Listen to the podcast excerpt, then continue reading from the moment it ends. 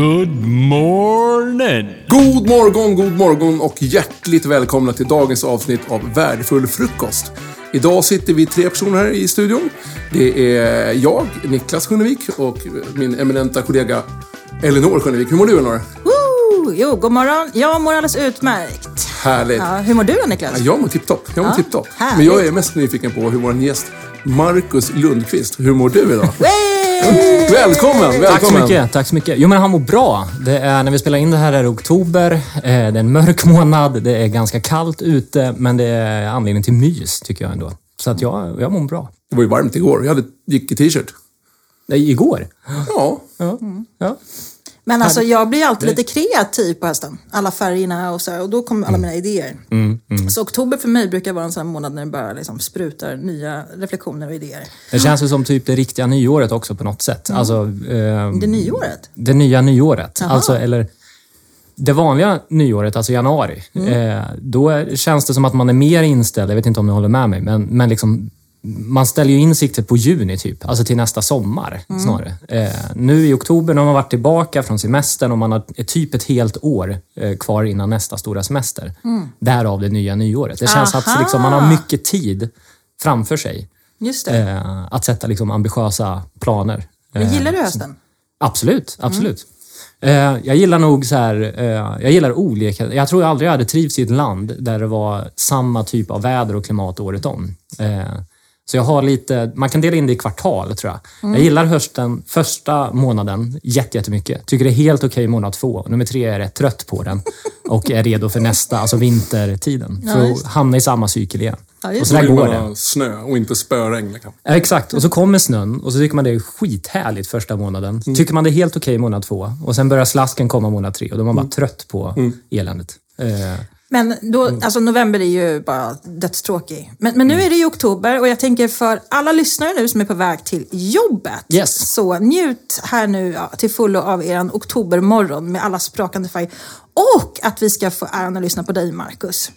Jag tänkte gå på dig lite grann. Eh, för att jag träffade ju dig för första gången, det var jättelänge sedan, när du jobbade i Solna stad. Och det du och jag har gemensamt det är ju att vi jobbar med rekrytering bland annat. Sen har vi gått lite olika vägar. yes. Men jag har ju fått äran att lära känna dig och du har ju så otroligt mycket kunskap som jag tänkte att du skulle dela med dig av idag. Både kring ledarskap, hur man bygger upp eh, rekryteringsteam, eller det som kallas för TA-team. Eh, hur det är att jobba både i kommunal verksamhet, men också på rekryteringsbolag, men också som nu ett stort internationellt säkerhetsföretag. Och ja, vi tänker säga vilket det är. Det är Securitas. Yes. Ja. Eh, och det finns ju massa saker som du kan dela med dig av, både kunskapsmässigt kring det. Så välkommen hit! Tack så mycket. Ja. Tack så mycket. Tack så mycket. Jag tänker väl att du ska få gå på dig själv lite. Ja. Sådär. Och Berätta, vem är du? Ja, ja men Marcus Lundqvist eh, heter jag. Eh, Jag kommer från Linköping, kommer säkert höras här under samtalet idag. Så jag ber om ursäkt för eventuella... Nej, det är ju fint ju. Fint. Ja, jag tycker det är Första fint. som säger att östgötska är fint. Ja. Klokt är det inte i alla fall. Eh, nej, men jag kommer från Linköping, men i eh, arbetsmässigt så, där, så är jag i grund och botten personalvetare. Eh, studerar vid Örebro universitet. Eh, men ganska tidigt in i utbildningen så kände jag att den var eh, ganska så teoretisk för min smak. Så jag började redan då, min andra termin, att att- att jobba inom bemanning och rekryteringsbranschen eh, som jag sen blev kvar i efter examen. Eh, men saknade då, eh, det var jättespännande att jobba liksom från utsidan på konsultbasis, men jag, saknade lite inhouse-delen också, alltså se vad som händer efter rekryteringarna och liksom följa upp, eh, blev det här bra eller inte? Då? Eh, Så då gick flytten upp till Stockholm eh, och jag började jobba på Solna stad där vi träffades som sagt då. Eh, Eh, och gick in som en av de första rekryterarna i en eh, rekryteringsfunktion som eh, skulle byggas där. Då. Och var med och satte de rutinerna och processerna på plats tillsammans med, med mitt team där. Då. Och efter ett drygt år så tog jag också över som ansvarig för den enheten. Efter det så gjorde jag en kort sväng inom HR-tech-branschen och satt på ett bolag som levererade olika typer av HR-system till, till HR-branschen. Allt ifrån rekryteringsverktyg till offboarding-verktyg egentligen och allt däremellan. Eh, Då jag ansvarade för våran eh, Customer Success-avdelning som den hette, men vi hanterade alltså då våra befintliga kunder. Men sen eh, kände då att jag saknade rekryteringsspåret lite grann, så jag blev faktiskt kontaktad då eh, och fick reda på de eh, planer som Securitas stod inför att liksom bygga en rekryteringsfunktion hos sig då. Eller hos oss som jag eh, kan säga numera Mm. eftersom jag valde att hoppa på det. Eh, så då gick jag in som den första rekryteringschefen på Securitas. Men gud vad spännande. Kan inte du berätta, hur är det att jobba på ett säkerhetsföretag? Det är väldigt lätt att känna eh, syfte med vad man jobbar för eller, eller Mm. mot, om ni förstår vad jag, vad jag menar. Det finns ett väldigt, väldigt tydlig koppling till, till varför man går till jobbet varje dag. Just det. Eh, jo, Yrkesstolthet, är det en, det en slags Ja. Mm. yrkesstolthet, ja, som, som blir väldigt tydlig i, inte minst de senaste åren med eh, allt som händer utanför vårt land, men också Mm. eh, inuti vårt land. Eh, att ha ett arbete eh, tillsammans med drygt 11 000 kollegor som alla liksom enas i att ja, men vi, vi gör fasken Sverige lite tryggare varje dag. Det är rätt häftigt faktiskt att, att jobba i den, i den branschen. Så. Pratar jag utifrån rekryterings, med liksom rekryteringshjärta till hand så tycker jag att alltså man är ju lite sådär halvsadistisk på så vis. Eh, eller tvärtom, masochistiskt heter det va? I att man, man gillar eh, svåra utmaningar. Eh, för det är ju eh, väldigt, väldigt spännande att i en, en eh, organisation som våran, som är, om man pratar våran rekryteringsprocess, eh, det är ju väldigt eh, svårt och ska vara svårt att bli anställd på ett säkerhetsföretag med all den information man får tillgång, i, eh, tillgång till. Eh, så vi har ju ganska rigida liksom, säkerhetskontroller och olika typer av bakgrundskontroller vi genomför för egentligen alla våra roller i, i hela eh, landet. säkerhetsintervjuer. Och, Säkerhetsintervjuer i vissa fall och, och, och så vidare. Och, eh, att hitta en bra kombination då om, man, om hjärtat bultar lite extra för kompetensbaserad rekrytering som egentligen, eh, som ni vet i, i, som sitter vid frukosten här idag, eh, talar liksom Eh, egentligen direkt för det motsatta. Alltså vi ska veta så lite som möjligt om våra kandidater för att inte låta omedvetna förutfattade meningar påverka våra beslut etc. etc. Den liksom, eh, vad ska man säga, eh, lösningen tycker jag är jättespännande att jobba på. Alltså hur kan vi bygga en riktigt snyggt och, och, och kandidatvänlig process som är eh, rolig och eh, eh, givande att gå igenom som kandidat, där vi också vet att alla beslut vi, vi fattar görs baserat på kompetens och ingenting annat. Och samtidigt ha en, en stabil och trygg liksom bakgrundskontroll i en och samma process. Det är ju en väldigt eh, svår utmaning om man pratar om att liksom bygga processer, men en oerhört rolig eh, också, tycker jag. Jag måste nästan gå straight to the point här. Kör! Hur har det gått? Går det att göra så? Det går. Det går. Eh, slow and steady wins the race. Största arbetsgivaren jag var på innan var ju då Solna, där vi sågs. Eh, och vi var väl då drygt 2300 anställda, tror jag. Eh, nu är, det ju ett gäng fler då, eh, hos oss, om man säger så. Eh, så det är såklart att ändra processer är ju, eh, det tar ju tid. Eh, och eh, Det vi har valt att lägga fokus på så här initialt, jag och mitt team, det är ju framförallt det första urvalet om man pratar liksom straight to the point och till själva processen. Alltså hur säkrar vi att det är så, nummer ett, lätt som möjligt att söka våra tjänster genom att inte i ett sånt första steg eh, skicka in all den dokumentation vi behöver i ett kanske sista steg. Det vill säga att det räcker. Eh, alla våra processer är i, i första urvalet CV-lösa just nu. Du behöver inte bifoga några filer utan eh, fyll i kontaktuppgifter så att vi kan kontakta dig och svara på de här urvalsfrågorna som är kopplat till kravprofilen. Så vet vi tidigt att ja, men du är relevant eller inte. Eh, Och vi jobbar också med screeningtester i ett tidigt stadie. Det är också ett ytterligare sätt att liksom innan vi börjar ta in eh, allt för mycket dokumentation och liksom information om, om kandidaterna eh, så låter vi dem genomgå liksom, screeningtester för att ligga så nära kompetens som möjligt då, det. innan det är dags att kalla till intervjuer. Och då börjar vi samla in den här den informationen vi behöver för bakgrundskontrollerna. Okej. Så det, för att svara på din fråga, går det? Absolut. Eh, Eller hur går det kanske din fråga var Ja, snarare. både och tror jag. Exakt. Och svaret blir väl lite både och också. Eh, I teorin så går det. Nej, jag skojar. Eh, eh, det går eh, och man får liksom varje dag en ständig så medelväg på något sätt. Det. Som det alltid är att jobba med kompetensbaserad rekrytering, tycker jag. Eh, Det finns alltid en vetenskaplig grund och en slags liksom empirisk forskning eh, som visar hur man, hur man ska göra. Eh, och Sen så har man en verklighet också att möta det med. Och Det är ju det ständiga pusslet i min värld som man behöver lägga när man skapar rekryteringsprocesser. Så. Alltså även om det i teorin är så att den absolut bästa rekryteringsprocessen är liksom, låt kandidater svara på urvalsfrågor, skicka gedigna tester och den som kommer ut på andra sidan som bäst lämpade, den man anställer, eh, kan ju låta kanon. Men vad innebär det för kandidatupplevelsen till exempel? Vill man byta vill man tacka ja när man bara har gjort ett test utan att ha fått prata med sin närmsta chef? Så jag, jag tror inte det.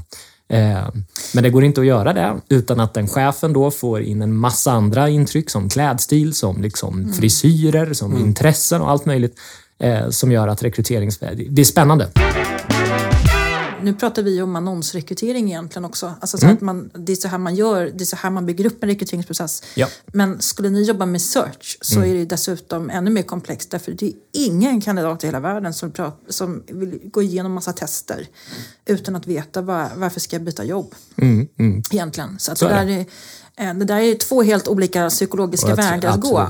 Och du Eh, lyfter, så- nu, nu är du sa förut får jag gå straight to the point. Mm. Men det där är ju ett, eh, herregud, det är en podd i sig. Tester. Mm. Alltså det finns ju, jag tror att rekryteringsbranschen och HR i stort kan bli betydligt bättre på att kommunicera ut varför man ska, varför gör man tester eh, och vad visar tester och vad är alternativet? Mm. Alltså, för jag upplever det finns en väldigt, eh, det är en liten vattendelare, eh, är min bild. Just Vi, vi kan ha pratat lite om det i ett annat avsnitt redan. Ja, det är så? Ja, du ser. Du ser. Då går det bevisligen. Ja, men det, det, det, det är ju, finns ju två olika åsikter om man ska Verkligen. lägga testen tidigt i Ja. en process eller sent.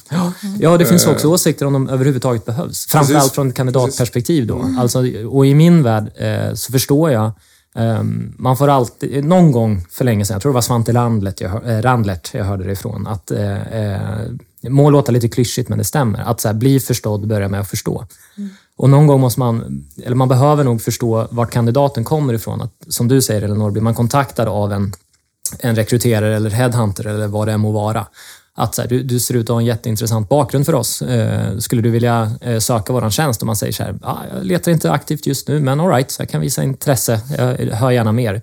Och så säger rekryteraren då, ja toppen, det första steget är att du ska göra tester i en timme. Eh, då kan man förstå kandidatens perspektiv att så här, men herregud, vad är det? Eh, det? Det har jag inte lust till, kanske man känner. Eller för den delen om man är en så kallad organisk kandidat, alltså att man söker en tjänst för att man är intresserad och det första svaret man får är att du ska göra tester, du lägger en timme på att göra dem och sen får du ett nej tack.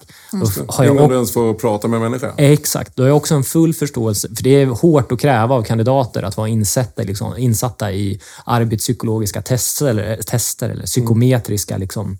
Det, det kan man inte kräva av kandidaten, men det man kan kräva av oss å andra sidan tycker jag, är att vi blir bättre på att kommunicera varför vi lägger, nummer ett, varför vi använder tester. Och nummer två, som du är inne på Niklas, varför, har vi dem, eh, varför har vi valt att lägga dem där vi har lagt dem i våra processer?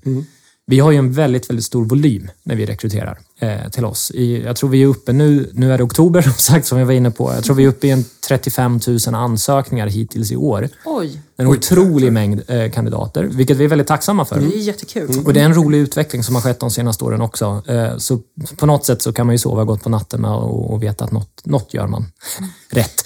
Eh, Men alternativet att sitta och läsa igenom då drygt 35 000 CVn eh, med allt vad det innebär, både i administrativ tid förstås, men också otroligt stor risk för att man går vidare eh, kontra inte går vidare på lite halvdiffusa grunder eh, tycker jag är argument nog att för oss passar tester i ett tidigt screeningskede absolut eh, bäst. Då. Just det, på alla roller pratar ni då? På samtliga roller, det är Ja. våran process ja. Ja. Precis, precis. Sen har man lite olika, man får genom, genomföra dem som kandidat först i det testet. Eh, Men sen för exempelvis chefsrekryteringar eller eh, specialistrekryteringar så kan det som ett eh, andra urval då ingå ett, ett, en slags teståterkoppling med en certifierad rekryterare hos oss. Exempelvis. Men då har man ju redan gjort testet som kandidat å andra sidan. Men, men ja, processen ser lika ut för alla Ja, våra roller. Mm.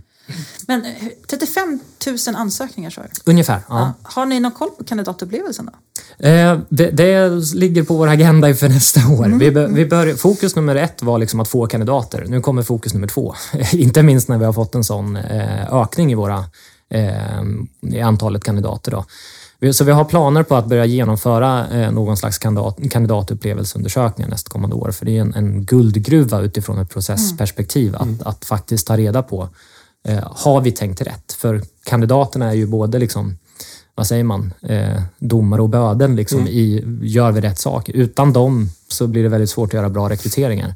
Just. Eh, så eh, korta svaret är nej, vi, vi gör det inte nu, men vi har absolut ambitioner att göra det. Ser du att det har hänt någonting? Söker sig folk mer till en säkerhetsbransch i dagsläget? Oron som är, att man känner att man vill bidra. Alltså, ser ni någon trend i det? Absolut. Vi har ju lite olika roller hos oss också och tittar man på de som är exempelvis skyddsvakt och ordningsvaktsroller och så, där, där kan man ju ändå se att vi ser en trend i att eh, eh, de senaste årens utveckling har ändå lett till att man man vill bidra på något sätt. Alltså hur kan jag bidra till att skapa ett tryggare samhälle till exempel? Eh, civilförsvaret ökade ju väldigt, har ju liksom engagemanget för det. Hemvärn och, och Lotta-kåren och liknande har ju ökat och det, det är såklart, vi, vi ser det också eh, hos oss. Eh, så jag tror det är en kombination mellan det som sker i, i eh, omvärlden just nu, att, att vi, eh, vi ligger väldigt, alltså, vårt kärnuppdrag helt enkelt är, är eh, vad ska man säga, eh, väldigt aktuellt och viktigt just nu i samhället. Och det tror jag speglar att vi har fått många kandidater, absolut. Men när man väl blir anställd då, eh, hur, har ni någon sån här code of conduct? Att ni som anställda behöver agera i dessa tider som civilperson också? Alltså så här, eh, måste ni andas era värderingar på något sätt i de här tiderna? Måste är ett svårt ord när man pratar kultur, tycker jag. Eh, alltså, jag tror att blir det ett krav så blir det, då, då blir det ett krav och då blir det inte genuint på något sätt, om ni förstår hur jag, hur jag tänker. Och jag måste faktiskt ge Securitas det. Nu, nu har jag varit där i, i, i två år. Eh, Så jag har ju fortsatt jämfört med, med kollegorna som jag har hos mig. Då, så jag är- befinner mig i stort sett fortfarande på introduktion kan man väl säga med tanke på hur, hur, eh, hur länge många av oss stannar. Så. Eh, Men något som blir väldigt tydligt när man kommer in till oss är just på temat kultur och våra värderingar som då är liksom ärlighet, hjälpsamhet och vaksamhet. Det är där våra tre, våra tre pluppar eh, står för. Och det är verkligen helt otroligt hur man har lyckats att liksom få den här känslan att, att eh, synas, eller kännas eh, snarare rätt ord, eh, genom egentligen alla led på bolaget. Sådär. Eh, Okej, så din utmaning i din roll här nu på Securitas har varit att, att bygga upp ett, ett rekryterings eller ett TA-team då? Ja, precis. Berätta, Mm. för här tycker jag är jätteintressant att höra. Eh, vad är key to success? När man, hur, hur, tänk, hur tänkte du när du fick Mm. den utmaningen? Oj, vilken bra fråga. Jag vet inte om jag har, jag har my key. Jag vet inte om det är success. Om du förstår vad jag menar. Det har ju gått hyfsat bra. Men, men, eh, nej, men jag tror återigen att, att eh, i, i de, alla uppdrag jag har haft så tror jag att man behöver ha en slags ska jag kalla det, ödmjuk inställning. Så här. Jag må kunna något om rekrytering. Jag vet inte om ni känner till Dörner Kryger. eh, Ja, ja, jo. Den kanske har kommit upp här i podden Ja. också. Nej, ett par gånger. inte än. Nej. Men det är bra, bra tips på ämne. Ja, verkligen. Väldigt kortfattat så kan man väl säga, det är ju en studie, det är ju en fantastiskt rolig grundhistorien till varför den uppkom. Har ni hört den? Ja, ja, ja. Jag, jag, som jag, Ska- jag tänker mycket på imposter syndrome. Där är ju liksom motsatsen till... Ja, Ja, just precis. det. Ja. Exakt. Ja, men det stämmer. Nej, men hela, det är en helt fantastisk story. Jag tror, eh, brasklapp nu för att jag kanske inte har koll på detaljerna, eh, så, men, men jag, tror, jag vill tro att det är i USA. Eh, för många herrans år sedan. Då, där en man eh, kliver in på en bank och, och rånar banken. Eh, och eh, tar med sig pengarna och åker hem. Bankpersonalen ringer polisen och när polisen kommer så säger liksom bankmannen att så här, ja, men det är Bosse Bossesson var här precis och rånade oss. Eh, jag, för att han, liksom, jag vet var han bor, han bor här. Det var en, li, en liten ort i USA. Så där.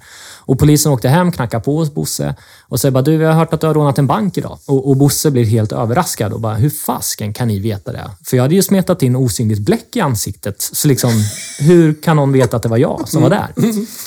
Och då, eh, de här forskarna då. Eh, Var, var det så det gick till? Ja, det är det. det, är, så. Enligt, eh, enligt legenden, för det här födde en... Just osynligt bläck tänker jag på nu. ja, du tänker så. Nej, förlåt. Fortsätt. Eh, nej, men det här födde en, en tanke hos de här forskarna då, att så här, hur fasiken kan vi vara så korkade, vi människor? Eh, och de började liksom studera på det här. Alltså vad, vad, eh, vad kan det här bero på? Att vi tror att vi kan så mycket om saker vi faktiskt inte kan någonting om. Den här bankrånaren trodde ju att Alltså den hade ju tänkt att ja, men jag fattar att om jag skriver med osynligt bläck så syns det inte. Eh, då vet jag exakt hur osynligt bläck funkar. Då kommer det liksom göra saker och ting osynligt vart jag än sätter det på. Eh, hur kan man tänka så kortsiktigt är väl deras, eh, den här grundtesen. då.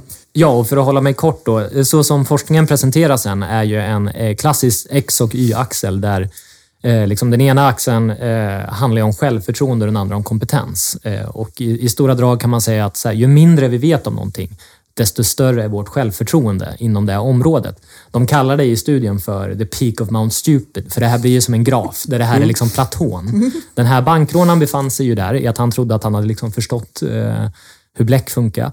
Det här är också svaret på varför när du frågar gemene man hur bra den är på att köra bil kommer 90 procent svara att de är bättre än genomsnittet, vilket är en matematisk omöjlighet att man kan vara. Mm. Alltså, eh, för så ser det antagligen inte ut.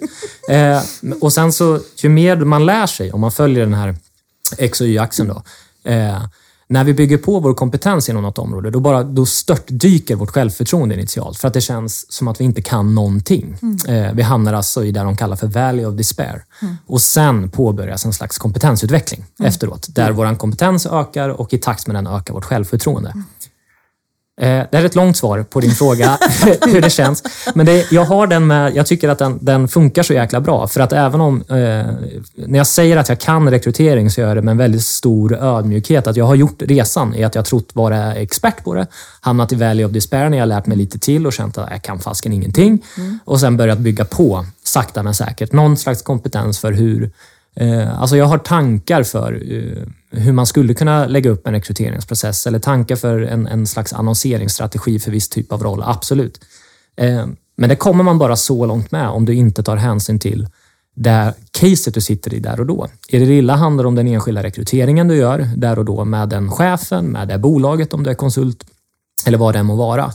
Eh, pratar man om att bygga processer i det stora för ett sådant stort bolag som Securitas, så handlar det om att ja, du måste förstå kärnverksamheten. Mm. Inte bara kärnverksamheten måste du förstå, utan eh, du måste förstå hur vi jobbar idag, varför vi jobbar idag eh, och liksom vilka intentioner har man haft när man har byggt sättet vi jobbar på mm. idag. Finns det olika utmaningar att ta hänsyn till, till de olika rollerna vi har, etc. etc, etc. Så du frågade om Key to Success. Eh, jag, jag, tänker att den inställningen har nog tjänat mig rätt väl i att jag gick in på en ganska, med en ganska ödmjuk inställning och gjorde en slags turné bara för att förstå så mycket som möjligt innan jag gasade på botten och sa så här kör vi. Mm. Eh, mm. Och eh, sakta men säkert har, har vi väl styckat någon slags elefant tror jag mm. och fokuserat på vissa delar i processen och eh, sett till att göra dem så himla himla bra eh, som möjligt. Vi fick förmånen att eh, ganska kort efter att jag klev in så eh, blev vi involverade i ett europeiskt projekt där vi eh, implementerade ett nytt rekryteringsverktyg som hela Europa ska använda. Eh, och det är en liten blessing in disguise eh, kan man väl säga för att det, det, är mycket jobb som krävs för att implementera ett nytt system med mm. integrationer och allting. Men mm. anledningen till att det är en blessing in disguise när man ska prata om att sätta processer är ju att man det, det ger liksom anledning till att bara kasta upp det man har haft innan och fundera på, okej, okay, om vi tänker oss ett blankt papper, hur ska vår process se ut nu? Mm. Eh, och det är jag väldigt tacksam för att det liksom sammanföll med, med, eh, med mitt jobb då när jag började på Securitas. Ja. Men vi är långt ifrån klara, vill jag också förtydliga. Alltså vi, vi har bara börjat ta lite på ytan, känns mm. det så. Jag tror vi har gjort ganska mer än att ta på ytan i och för sig. Eh, vi har tagit de stora grova dragen i vår process, men nu, nu eh, mer finns att göra, absolut. Men du har ju också ett fantastiskt team. Oh ja! Ja. Och, eh, för jag, jag har ju fått äran att få träffa mm. eh, ditt team. De är, helt, de är olika varandra, de yep. sitter på olika ställen. Yes. Det är också en utmaning, tänker jag. Ja. Sådär, hur, hur har du tänkt där? Bygga team och så är de inte på plats? Och... Mm. Um, ja, men jag har uh, redan innan Securitas, alltså under pandemin så tror jag, om du hade personalansvar under pandemin, så, så, märkte, så var det här en utmaning du ställdes inför. Alltså hur leder du på distans? För även om man satt i samma stad under pandemin så uh, såg man ju inte varandra på väldigt länge. Mm. Och jag klev faktiskt in i, jag, jag började under pandemin som med, med 15 personer i mitt team då. Um, så att liksom min första, några av dem hade jag träffat innan absolut, men många av dem träffade jag för första gången över Teams, även om vi bodde i samma stad. Mm. Eh, vilket var en utmaning i sig. Men, men tanken på eh, just på Security, alltså hur vi bygger teamet med, med som hubbar kan man väl kalla om man bara pratar rent geografisk ort, är ju dels Absolut, dels eh, finns det en baktanke med att få en slags lokal närvaro och en större spridning i teamet att kunna, eh, om det behövs, vara med fysiskt på plats i någon av våra orter. Absolut. Men i grund och botten så handlar det snarare om att, att eh, vi får ju en större kandidatpool om vi inte låser oss med att här, man måste sitta nära Marcus i Stockholm. Eh, då, då har du bara en stad och, eh, att gräva i, så att säga. Medan vi får ju en större, eh, större kandidatpool helt enkelt att välja mellan om vi öppnar upp det lite grann och kan låta återigen kompetensen styra eh, och inte geografisk ort. Då. Eh, så, så det har väl varit den huvudsakliga eh, anledningen till att vi sitter utspritt idag. Då. Inte så jättemycket för att ha en lokal som lokala agenter att kunna eh, skicka iväg när det brinner om ni förstår vad jag menar, utan snarare liksom rätt person på rätt plats och sen vart de sitter, det är sekundärt. Det löser vi eh, på något vänster. Men, men kan du se några utmaningar med det då? Oh ja, oh ja. Eh, framförallt, jag tänker på personerna i sig. Jag, försöker tänka på det nästan dagligen. Att man känner, eh, alltså hur kan man skapa en känsla av samhörighet och att man har ett team att vända sig till eh, på distans när man inte ses varje dag. Det tror jag är en utmaning man aldrig riktigt blir klar med. Eh, så. Eh, och ibland så tror jag eh, faktiskt att det inte bara räcker med att man sitter fysiskt heller. Jag tror det finns många team som ses varje dag men som har svårt att få till en, grupp, en bra gruppdynamik och bra samarbete. Och så. Det är liksom inte en garant för att få det att funka. Eh, så, så det är väl den stora utmaningen och eh, den stora, mitt stora fokusområde som, som ledare över det här teamet. Att de ska känna att de har ett team. Att det inte känns isolerat och att de känner att, att liksom, i våra team så spelar inte de, de eh, fysiska liksom, platserna någon roll. Det ska liksom, man ska inte känna att man missar någonting bara för att man missar att käka lunch ihop. Eh, så. Men det är jätte, jätte, eh, svårt. Och jag tänker, jag reflekterar över det ganska mycket. Om vi har ett möte med teamet någon gång innan lunch till exempel och vi som sitter i Stockholm då, om någon säger en sån enkel sak som när det är dags att säga hej då, som att så här, ja förresten, har du med dig lunchlåda eller ska du gå och handla? För jag, jag går ner så länge. Så här. Då funderar jag ganska mycket på så här, hur landar det här nu hos de som eh, inte kan vara med på den här lunchen? Alltså, så det är en jätteutmaning. Är, är det många i teamet som sitter helt själva? Eh, Eller, eller är det små grupperingar? Eller?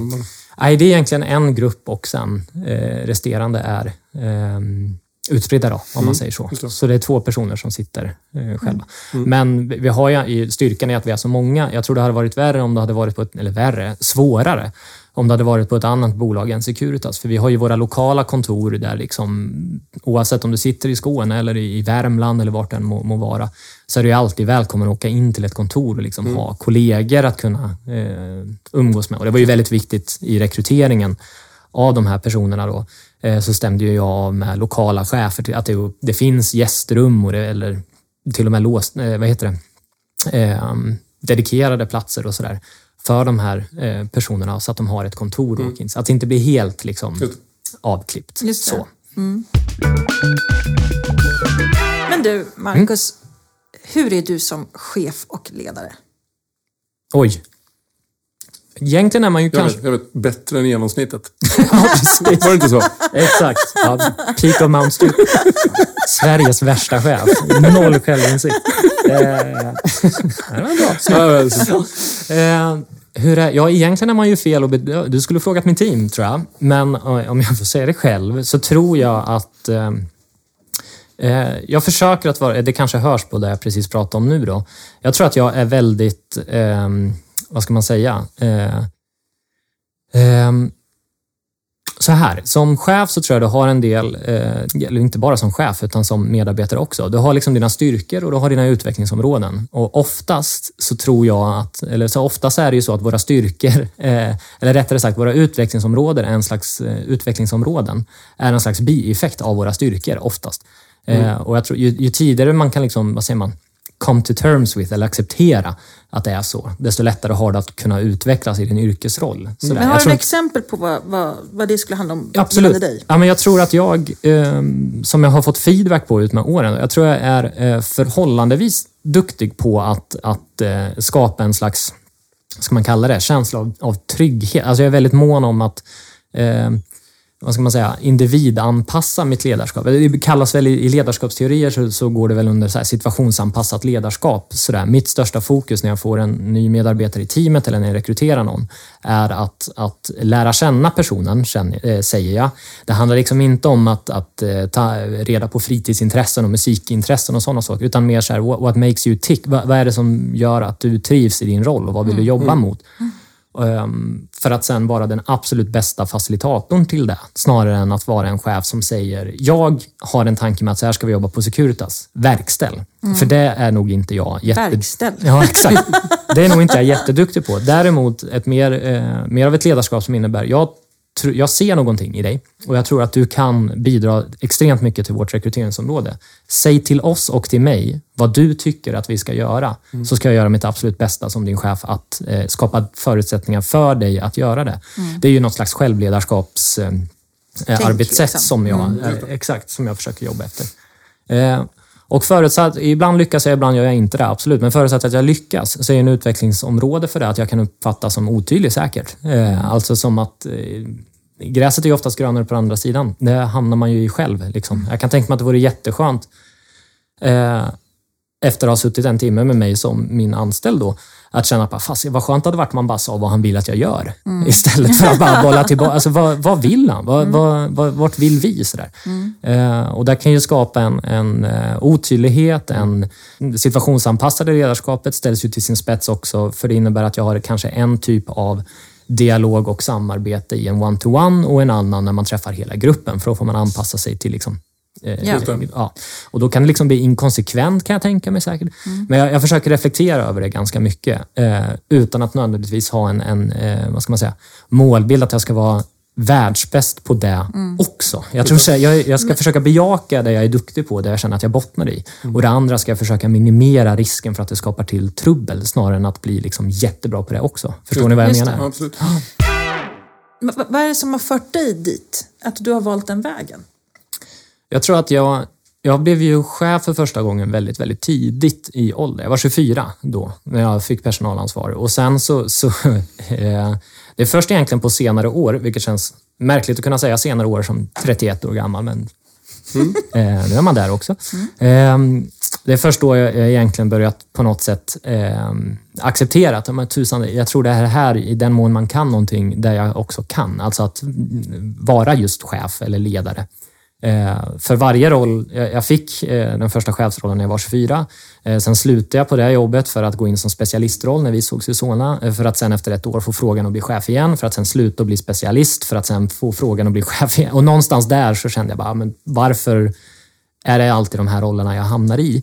Eh, men, men, och som svar på din fråga hur jag landat i mitt ledarskap så tror jag att jag brottades extremt mycket. Jag vet inte om det hade att göra med min ålder. Jag tror inte, jag tror inte det spelar någon roll om det är 24 eller 42 när du får ditt första personalansvarsuppdrag. Men för, för det jag gjorde, det var ju att jag försökte härma andra. Så här, vilka chefer har jag tyckt varit bra? Varför? Okej, hur ska jag göra som dem då? Eller ehm, i coachande samtal med min chef så var jag lite, exakt den frustrationen jag pratade om kanske jag kände då. Att så här, jag bara, men säg till mig hur jag ska göra så bara gör jag det. För jag vill vara en bra chef, vara en bra chef och sådär. Ehm, och där brottades jag med väldigt, väldigt länge tills jag till sist bara landade i att så här, men, jag, jag kan inte kopiera någon för då blir jag bara en slags kopia av något som jag återigen inte bottnar i. Så då mm, funderar jag snarare på, så här, men lite som jag var inne på nu, vad, mitt ledar, ledarskap, vad är det? Vad bottnar i? Vad känner jag mig trygg i? Och vad tror jag att jag kan göra om jag liksom fortsätter vattna det jag är bra på så att jag blir eh, eh, tillräckligt bra chef för att funka, eh, så att säga. Som också känns som mig. Eh, då ska jag styra in mot det. Och då har det landat i självledarskaps eh, Biten. biten. Att jag tror, för jag tror mer... Det är en filosofi på ett sätt kanske också inför ledarskap. Men, men jag tror oerhört starkt på att chefer ska finnas till för sina medarbetare och inte tvärtom. Eh, och där gör det ju väldigt, väldigt... Alltså skulle jag få en chefsposition där det förväntades av mig att bara säga till folk, alltså se dem som en förlängd arm av mig och en, en, eh, en slags resurs att göra det som jag inte hinner med för att vi ska hinna göra saker och ting. Eh, det är för mig inte ledarskap. Liksom. Eh, för mig är ledarskap snarare det som jag var inne på. Alltså hur ser man till att folk eh, reflekterar över man, vad man gör i arbetet och liksom har ett värde. Den här podden heter ju Värdefull frukost. Hur ser man till att ha ett värdefullt arbete? Jo, en viss del av det ligger ju i att man själv känner ett ägandeskap över. Ja, men jag vet, jag har ett mål och min chef är på min sida att göra det lättare för mig att nå det målet. Men sen måste jag göra det. Eh, det tror jag mer på. Folk som har följt mig under åren, de har ju också hört mig säga väldigt tydligt och bestämt att jag skulle inte bli chef och ledare. Och nu sitter jag här. Ja. Och eh, det jag ofta får höra är att jag är autentisk. Mm, mm. Och jag, jag vet inte riktigt vad det betyder. Nej.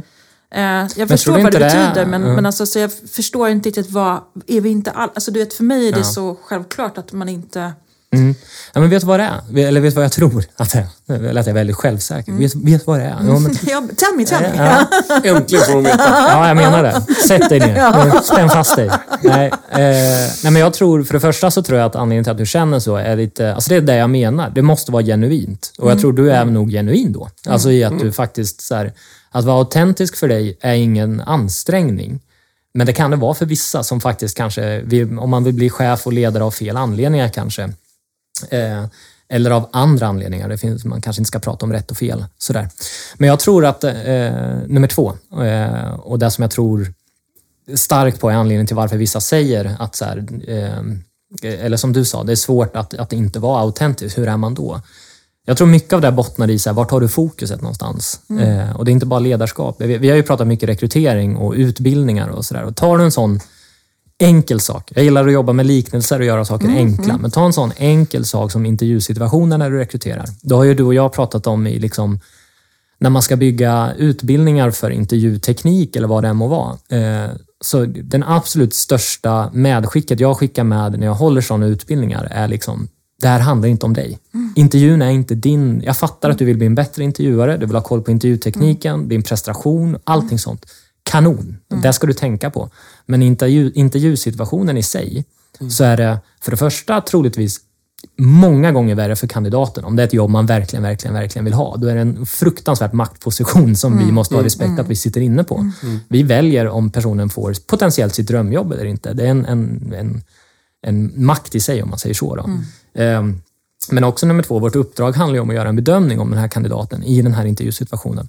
Sitter vi och är alldeles för fokuserade på hur vi ska ställa vissa frågor, när vi ska säga hmm, när vi ska nicka, när vi ska dricka vårt vatten, alla sådana saker. Kommer vi gå ut ur den intervjusituationen sen och känna att så här, bara, fasken vilken bra intervju jag gjorde. Och så ställer någon frågan. eh, Så här, "Ja, men hur var kandidaten då? Ja, just det. Eh, Vad sa eh, hen nu igen? Jag tänker att det här går också att applicera på ledarskapet. Att har du en alldeles för stor tankeverksamhet kring nu ska jag vara på det här sättet till den här målgruppen eller nu ska jag vara den här ledaren. Eh, så, så tappar du det. det- Då blir det också svårt att, att vara en slags eh, en bra chef. Är ni med på hur jag menar någonstans? Verkligen. Och baksidan, eller andra sidan av det här myntet är att du blir autentisk om du istället är så här, men nu, jag, jag kan inte förbereda, när du köper att så här, jag kan inte förbereda mig till tänderna. Jag får gå och liksom ha den här one-to-one med den här personen eller köra den här, eh, det här mötet med den här gruppen. Eh, För att faktiskt genuint, precis som på en intervju, eh, ha en, en förberedelse i den mån att du ska liksom, ge vidare information om det där du ska göra, vad det än må vara. Eh, Men sen en slags förberedelse för att sen så, så är du lyhörd och få- fångar upp det som kommer upp i mötet. Eh, Då får du nog den autentiska känslan. Jag tänker också att en del av ledarskapet handlar ju om en del av att vara en autentisk ledare och också begära att teamet ska ankra in. Och vara engagerade handlar ju om att visa att man är autentisk. Och det kan ju också innebära att man, jag menar herregud, mitt team de ser ju även mina svaga sidor. Jag är ju inte alltid glad, jag har ju saker och ting som påverkar mig, jag är ju människa. Sen kan jag ju tycka att jag är väldigt bra på att dela upp mitt privatliv och mitt yrkesliv. Men jag är ju Elinor här liksom. Men vad, vad, vad säger du Marcus, behöver en ledare alltid vara stark? Absolut inte. Nej, men och jag tror, eh, alltså vi alla är ju, det gäller ju inte bara chefen, men vi alla är ju människor. Vi går, vi går igenom saker. Eh, så. Och eh, Du sa att ditt team har sett dig på dina dåliga sidor. Mitt team har, har sett mig på väldigt dåliga sidor och knappt sett mig i perioder också. I, om man tänker liksom, jag har erfarenhet av att ha varit sjukskriven för liksom, stressrelaterade sjukdomar och sådana saker. Och hade man inte haft ett engagemang i teamet. Eller, eh, jag tror att om man vänder på det, hade jag tillämpat det här ledarskapet jag pratar om som jag inte bottnar i, alltså att vara den som med, med hård handstyr och delegerar arbetsuppgifter, då stannar ju hela maskinen om den chefen försvinner. Jag tror också att ribban för att ha ett slags autentiskt, att faktiskt prata om att nu mår inte jag så bra. Eh, och kommer inte göra på en, en, en lång tid som det ser ut. Eh, vi behöver sätta en plan tillsammans. Det tror jag blir väldigt svårt om du inte har liksom byggt den här Eh, nummer ett, tryggheten i gruppen förstås, men också nummer två, en slags eh, känsla av att vi alla delar samma ansvar. Liksom. Förhoppningsvis så tänker man ju också att om det är fler i gruppen som inte mår helt toppen, vilket är helt okej för livet är så, så vågar man säga det också när det finns ett sånt klimat i, i teamet. Men, men det är ju inte så enkelt. Jag tänker ju Nej. eh, att vakna upp en morgon och känna att man inte kommer upp ur sängen. Nu vet inte jag hur det var Mm, för dig, men man är ju rädd för hur det ska mottas. Ja, absolut. Man kan ju tro någonting om sitt team, man kan ju tro någonting om sin chef. Mm, Men det är ju verkligen upp till bevis i sådana här situationer. Ja, ja, men jag tror också, när man väl landar där, att man pratar för teamet, så tror jag att man har, går igenom en process själv också. Eh, vilket jag gjorde. Det tog väldigt lång tid innan, innan jag faktiskt drog i handbromsen. Vi är väldigt duktiga på att hitta anledningar, tror jag. Eh, för mig så var det det skedde väldigt, väldigt plötsligt när det väl skedde och, och jag var helt övertygad om, det var under ett, ett teammöte faktiskt, på tal om, om, om just det här. Och Inte med det här teamet, men med ett annat team. Eh, jag fick liksom en blackout, det svartnade för ögonen. Eh, Gud vad läskigt. Ja, det är skitobehagligt och man blir ju för det första livrädd. Eh, så. Eh, Du hade inte känt någon tendenser innan? Utan Nej, det var då, nej. Ja. Mm. Eh, som en blixt från klar. Och eh, ska vi vara helt ärliga så minns jag inte jättemycket om den isolerade situationen. Det är mest ett, eh, det är väl en period på typ tre minuter som är ganska svarta. Sådär. Eh, och, eh, det gick faktiskt ett par dagar innan jag liksom berättade för min sambo där hemma att så här, "Jo, det här har, har hänt. Sådär. Och då, jag, jag tror det är svårare att erkänna det för sig själv, men personer som älskar en och bryr sig om en. Eh, det vet man ju själv om det är ens barn eller vad, vad det må vara. Så går man ju upp i varv, vilket hon då gjorde. Så jag, jag gick till, till läkare och sådana där saker. Helt övertygad och fortfarande ganska rädd då, att det var något knas med hjärtat. Liksom. Eh, jag har avverkat tre läkare på två veckor för att jag, på tal om, eh, även, fast man, ja, även om man pratar om så här unconscious bias och allting i rekryteringsutbildningar så är man ju inte bättre själv. Eh, Där man tänkt att så här, men de här har ingen aning om vad det är. Ingen av dem säger, eller alla säger att hjärtat ser bra ut, men jag fortsätter ju få såna här attacker. Något är ju fel. Var det rusningar du fick då? Eller var det Ja, rusningar, orytmiska liksom, slag eh, som gjorde att jag... Liksom, i, det var väl en period av två veckor som jag mer eller mindre säckade ihop varannan dag ungefär. Var tredje dag. Sådär. Eh, med lite olika intensitet då varje gång. Eh, och alla tre... Fortsätter du gå till jobbet? Ja, jag fortsatte att gå till jobbet. Eh, Alla tre läkare sa... Sen hade jag jättebra stöd av min chef förstås. Eh, Vill man ändå föra till protokollet. Henne berättade jag eh, för. Så att jag gick till jobbet men väldigt begränsat bara för att liksom hitta stabilitet i vad, vad var det som pågick. Liksom. Alla tre läkare sa ju då att så här, ja, men ditt hjärta ser bra men tror du det kan vara ångest? Så där. Och jag bara, vad fan, ångest? Vad fan har jag ångest för? Jag är svinrolig till jobb, så här, bra liksom, ehm, eh, privatliv. Så här, nej, det måste vara, ni har hittat något fel. Liksom. Eh, det tog fyra månader från den perioden tills att jag faktiskt gick hem sen och sa att okej, jag behöver nog hjälp för att få bukt med det här och faktiskt ta reda på vad det, eh, vad det var. Vad var det som gjorde att Eh. du, att du insåg det då?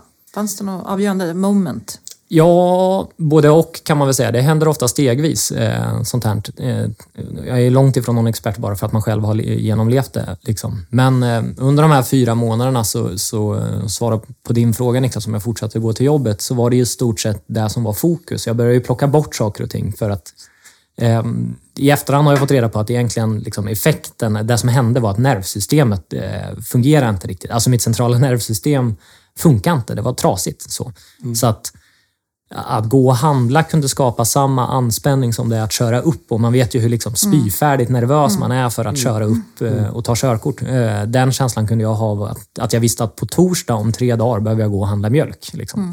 Eh, Så man, nervsystemet visste inte vad de skulle göra med alla stimulus vi får hela tiden helt enkelt. Eh, vilket skapar en väldigt... Eh, jag fick ju jobbet att funka delvis, men det byggde ju på att jag gjorde ingenting annat när jag kom hem. Alltså vi slutade... Eh, sambo tog ett jättestort ansvar eh, för att fixa allt där hemma medan jag själv mest låg på soffan.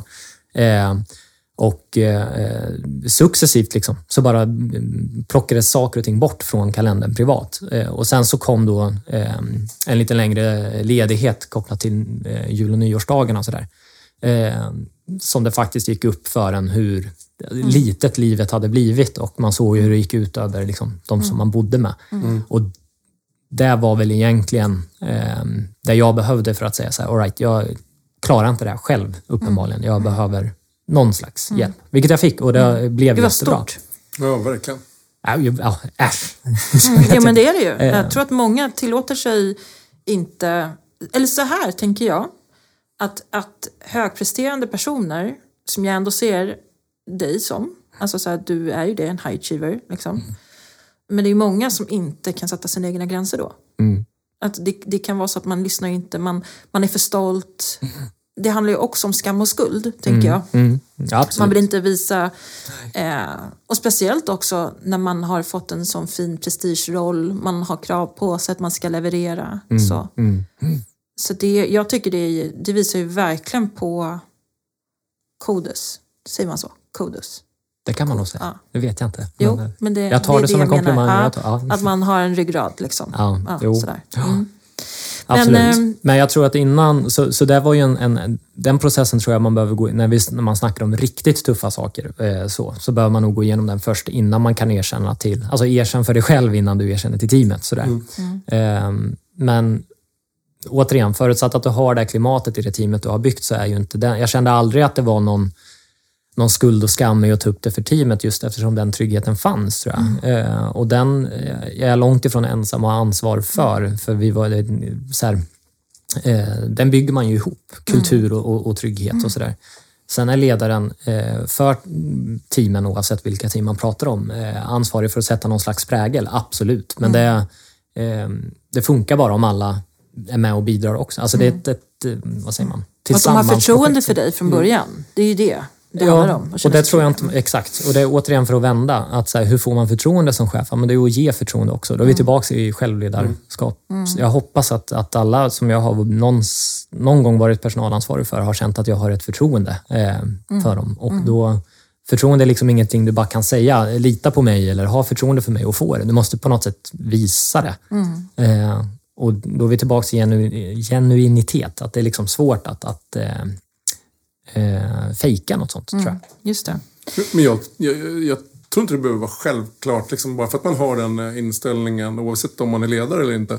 Att man vill eh, vara genuin eller autentisk. Ja, ja, eh, närvarande, Ja. bidragande, så kanske man kan ha jättesvårt att eh, erkänna inför gruppen. ja, så kan det vara. Absolut. För, för att det är dina kollegor. Eh, det är jobbigt att, på ett annat sätt att berätta för dem där hemma.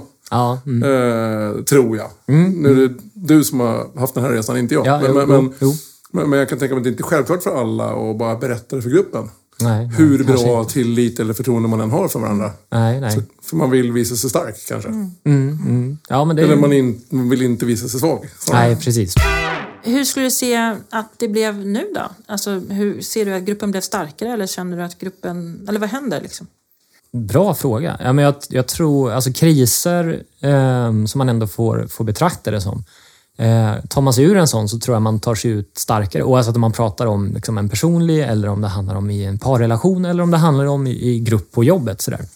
Så i den mån så, så eh, tror jag att det liksom enade gruppen, absolut. Och eh, i någon slags ironisk eh, turn of faith liksom, så kom den här eh, självledarskap, alltså det här engagemangsdelen som jag gärna ser att mina team har, kom ju lite gratis av det. Det. che- Chefen försvann ju bara. Säg som det du bara fejkade det här. Ja, jag menar det. Tog ledigt ett par månader, mådde kanon. Nej, då. Eh, nej, så att jag tror absolut att så här, inget ont som för gott med sig. Sen så, när man mår sådär dåligt så försöker man, gör, det gör man ju oavsett vad man, hur man mår. Man googlar ju sina, eh, sina grejer och vill ta del av saker och ting. Och liksom, jag är nästan frustrerad fortfarande att ta del av alla som har gått igenom något liknande och säger så här, det är det bästa som har hänt mig. Så här, att, eh, I efterhand så är jag så glad att det har hänt. Jag kommer aldrig sitta och säga att så här, bara, åh vad bra det var i slutet. För inget, eh, även om det kommer mycket gott på andra sidan, så finns det inget som är värt det. Liksom, eh, så.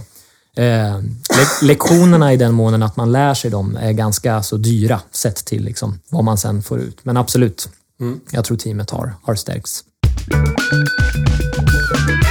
Det som jag tänkte fråga dig vidare om, Mm. eh, det är lite faktiskt kring psykisk ohälsa. Men sen tänkte jag också att du skulle få avsluta avsnittet med att prata om lite framtidsspaningar. Mm. Men om vi pratar om psykisk ohälsa. Mm. Om du skulle ge en verktygslåda till både ledare och medarbetare, vad skulle du vilja säga då?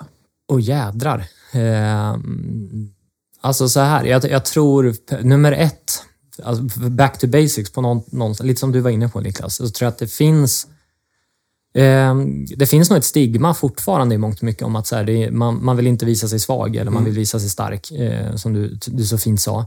Eh, Även om det, det, det, känns som att det aldrig har pratats mer om att det inte ska finnas ett stigma, men jag tror det fortfarande finns. Och det kopplas väl tillbaka till någon slags autenticitet och genuinitet. Att liksom, det här blir väl ett slags tips till ledare att fundera på, finns den här tryggheten i ditt team? Och gör den inte det, fundera på vad kan jag göra för att liksom bygga en mer autentisk och, och en slags psykologisk trygghet är väl där vi pratar. Det är inga lätta frågor att skapa i en grupp, framförallt Eh, beror ju på hur stora grupper man har också. Men, men det är liksom fråga nummer ett att ställa sig. Så här, om jag själv, och det är ofta enklast att gå till sig själv, om jag själv skulle må dåligt skulle jag känna att det var okej okay att berätta det för den här gruppen. Mm. Om svaret lutar mot nej så kan man nog räkna med att det är fler i gruppen som inte känner det. Mm. Och då är det en, en, bra, bra start. Men jag skulle säga att den frågan går också, eller den reflektionen går också att göra som medarbetare och fundera över sitt team eh, för att sen i sin tur kanske lyfta till sin chef eller sina kollegor. Återigen kopplat till självledarskapet. Mm. Mm. Eh, bidrar jag till en, en positiv utveckling av psykologisk trygghet eller en negativ eller är jag mest stagnerad? Kan jag göra något för att liksom mm. lyfta min grupp tror jag. Det är steg ett. så. Eh, pratar vi om att motverka psykisk ohälsa så är vi tillbaks... Något som är som absolut mest frustrerande när man går igenom något sånt här är ju hur det finns liksom inget magiskt piller du kan ta så blir det bra. Utan det, man, bara, man blir så provocerande påmind om eh, sådana liksom basala grejer som det handlar om egentligen. Alltså hur, eh, nummer ett, hur ser sömnen ut? Eh, slirar man med den eller gör man inte det? Mm. Eh, då börjar man där. Hur ser kosten ut? Alltså käkar man det man ska? Mm. Eh, hur ser motion ut? Eh, och då snackar ingen behöver liksom träna som The Rock och gå upp men liksom, får man tillräckligt med vardagsmotion mm. Och eh, den kanske absolut viktigaste, alltså sociala relationer och aktiv vila. Har mm. du sån? Det var den jag strök eh, mm. liksom, och mm. bara mådde värre, värre, värre. Mm. Eh, men att försöka liksom, livet... Jag har lärt mig mycket om begreppet aktiv vila och det är nog det största tipset jag kan ge oavsett om du är chef eller medarbetare. Att det är kanonbra att du är aktiv på jobb och på, i träningshallar och sådana saker. Och det är svinbra att du kan vila framför en bra film eller en bok i liksom soffan framför en brasa eller så. Kanon. Men har du någon aktiv vila? Mm. Alltså någon, någon slags Eh, träffar du vänner på återkommande basis som, som kanske tar energi i stunden men ger, det, det, ger dig energi över tid. Mm. Eh, Många så här, eh, det var jag också frustrerad över, men fiskare och golfare, så här, de har ju det här gratis. De sticker ju, Känner ni några sådana eller om ni är dem så vet ni att man sticker iväg tidigt som fasken en söndag morgon och är borta ett par timmar och bara gör en... Alltså då är man där. I sin bubbla liksom. I sin lilla bubbla. Mm. Och det är väl en bättre, istället för att kalla det aktiv vila då, vad är din bubbla? Vad kan mm. du liksom fullständigt försvinna i, där du fortfarande håller dig igång? Mm. För det är otroligt, otroligt viktigt. Just det. Eh, och det är också det lätt, väldigt lätt att försaka tror jag. Mm. Vi är alla överens om att vi blir piggare av att hålla igång och träna, eller hur? Ja. ja. Men vi är också medvetna om att det själva isolerade träningspasset är vi helt slut efteråt. Mm. Eller, så det är mm, liksom, mm, mm, eh, det kan vara märkligt att tänka sig, om man pratar om andra saker än träning, att så här, bara, shit, det här känns ju inte bra i stunden för jag blir helt jäkla slut. Men det kanske gynnar mig över tid. Över tid Sådär. Ja. Mm. Eh, så känner man att man på något sätt är på väg åt ehm, eh, att man kanske börjar sova dåligt eller att man börjar eh, att man mår ganska dåligt, vilket många av oss gör, så är mitt enklaste råd liksom back to basics och liksom försök fokusera på aktiv vila och försök inte göra björntjänster som att bara sluta göra saker. För mm. det är mm. inte heller riktigt bra. Mm. Det är inget jättekonkret och bra. Nu, nu förstår ni irritationen man kan känna när man har mig som mm. chef, när jag inte ger raka svar kanske. Men, men det är ändå ett slags här, eh, eh, eh, tipset blir, för det, det, är så mycket, det är så lätt att bara tänka att om man har mycket att göra, så här, men sluta göra grejer. Vila bara. Mm.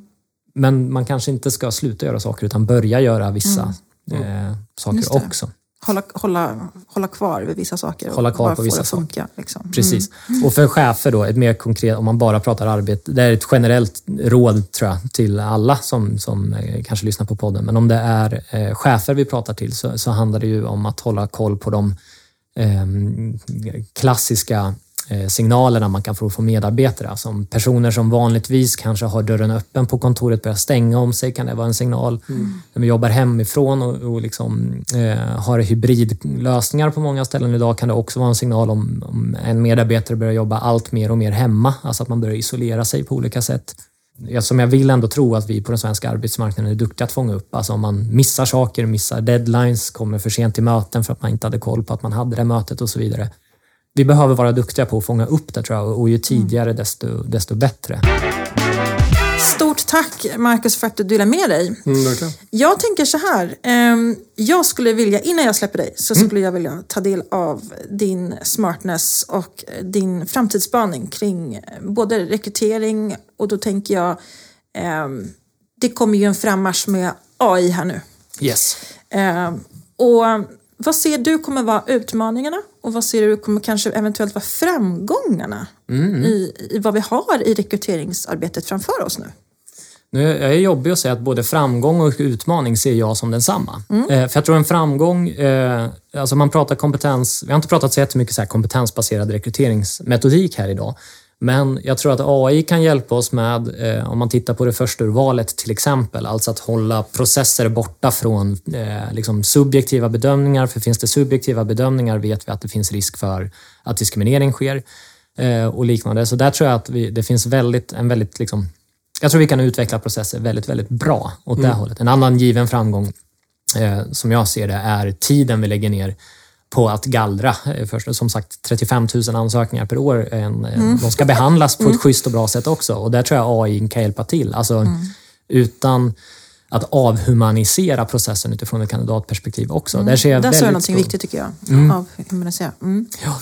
Ja, men det, det tror jag att, att, AI absolut kan hjälpa till med. Men på samma sätt så tror jag att det kan också göra det så. Det finns ju liksom, det har funnits, jag, jag tog del av en väldigt märklig källa att ge ett professionellt sammanhang. Men Last Week Tonight med John Oliver vet mm. jag inte om ni mm. kikar på. Men Nej.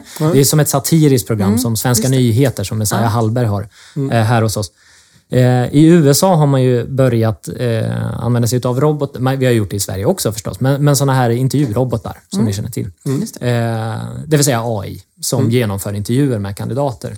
Det som hade hänt i det här eh, reportaget som, som togs fram, eh, eller som lyftes fram i det här programmet, var att man, vi, vi, eh, man program, även om, om roboten i sig, alltså AI, är objektiv, så är det ju fortfarande en människa som ska säga till roboten vad den ska liksom Eh, vad ska den här personen välja, eller vad ska roboten välja som liksom, den här kandidaten ska gå vidare och den här ska inte göra det. Mm. Och I början av det här eh, användandet av den här roboten Eh, så eh, la man ju in en kravprofil som var objektiv då eh, och lät kandidater genomgå ett försturval som sen skickades vidare till, till rekryterande chef. Då.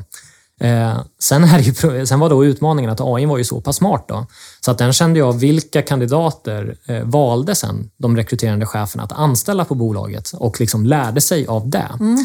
Så i slutändan, och de subjektiva bedömningarna, det vet vi att vi är ju så här, Får vi rekrytera hej vilt så rekryterar vi homogent. Mm. Alltså vi rekryterar sådana som ser ut som oss och som är som oss i en stor... Mm. För att vi tror att vi gör en bedömning att de här är eh, bra kandidater. Men mm. egentligen är det vårt undermedvetna som bara, vi gillar de som är som oss helt mm. enkelt. Mm.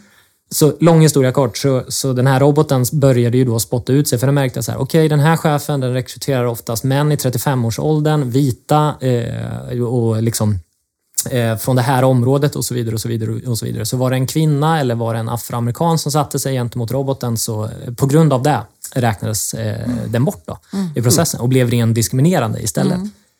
Eh, så mina, mina två cents på AI är att jag tror, jag ser extremt stora fördelar med det, eh, samtidigt som jag ser stora risker, men man måste göra det rätt på något sätt. Mm. Fundera på så här, vad, eh, så här, blir det här en objektiv process eller stakar vi till det när vi fortfarande subjektivt säger vad roboten ska premiera?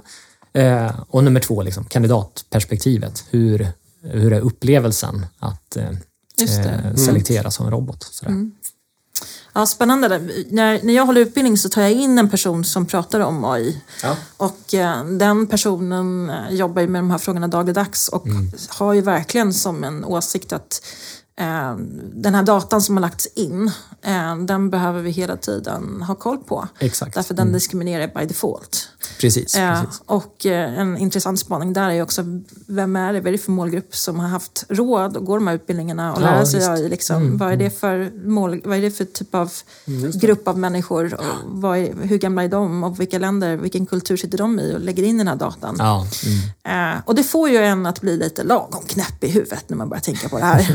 Så. Eh, men att vi kanske behöver anställa, för nu är alla så himla rädda för att eh, vi ska bli av med jobben. Mm, Men att vi istället då kanske kommer anställa på nya roller och att de här rollerna kommer handla mer om att analysera Ja. och eh, vara mer advisor. Mera sådana analysroller eh, liksom roller Mm. i den analysen då, ifrån honom. Den tycker jag är intressant. Så Spännande. vi behöver ju prata om det. Verkligen. Jag tror det finns en stor skräck eh, i, eh, i överlag med rekryteringsarbetet. Så. Okej, men du Marcus. Tre stycken saker som vi ska ta med oss här nu när vi går till jobbet eller till utbildningen eller vad vi nu har för sysselsättning framför oss på dagen. Eh, vad skulle du vilja skicka med alla lyssnare? Ehm, ja, men för att summera det vi har pratat om. Nummer ett, var genuin idag eh, när du kommer till jobbet. Eh, nummer två, reflektera över vilken psykologisk trygghet du har i ditt, eh, liksom, eh, i ditt team. Och nummer tre, fundera på var på den här Dörner-Kryger-tabellen du, har- eh, du är. Alltså, finns det något område där du känner ett stort självförtroende i, där du faktiskt börjar fundera på om du kan så värst mycket om det? Och börja liksom lära dig om det i så fall. Även fast du vet att du är övermedel. Ja, jag menar det. Jag menar det. Fundera på hur bra det är på att köra bil. Ja, exakt. Ja. Den där fastnar hos dig. Ja, ja.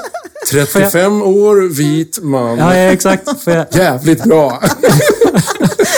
får jag gissa att du bedömer dig lite bättre än genomsnittet på att köra bil? Du körde ju bil hit i morse. Fantastiskt bra körde jag i alla fall. Ja, det vet jag. lite över snittet. Det var en eh, annan människa som höll på att köra in i min bil. Ja, Eh, en klassisk in- undersnittare. Ja, precis. Stort tack! Tack. Tack för idag.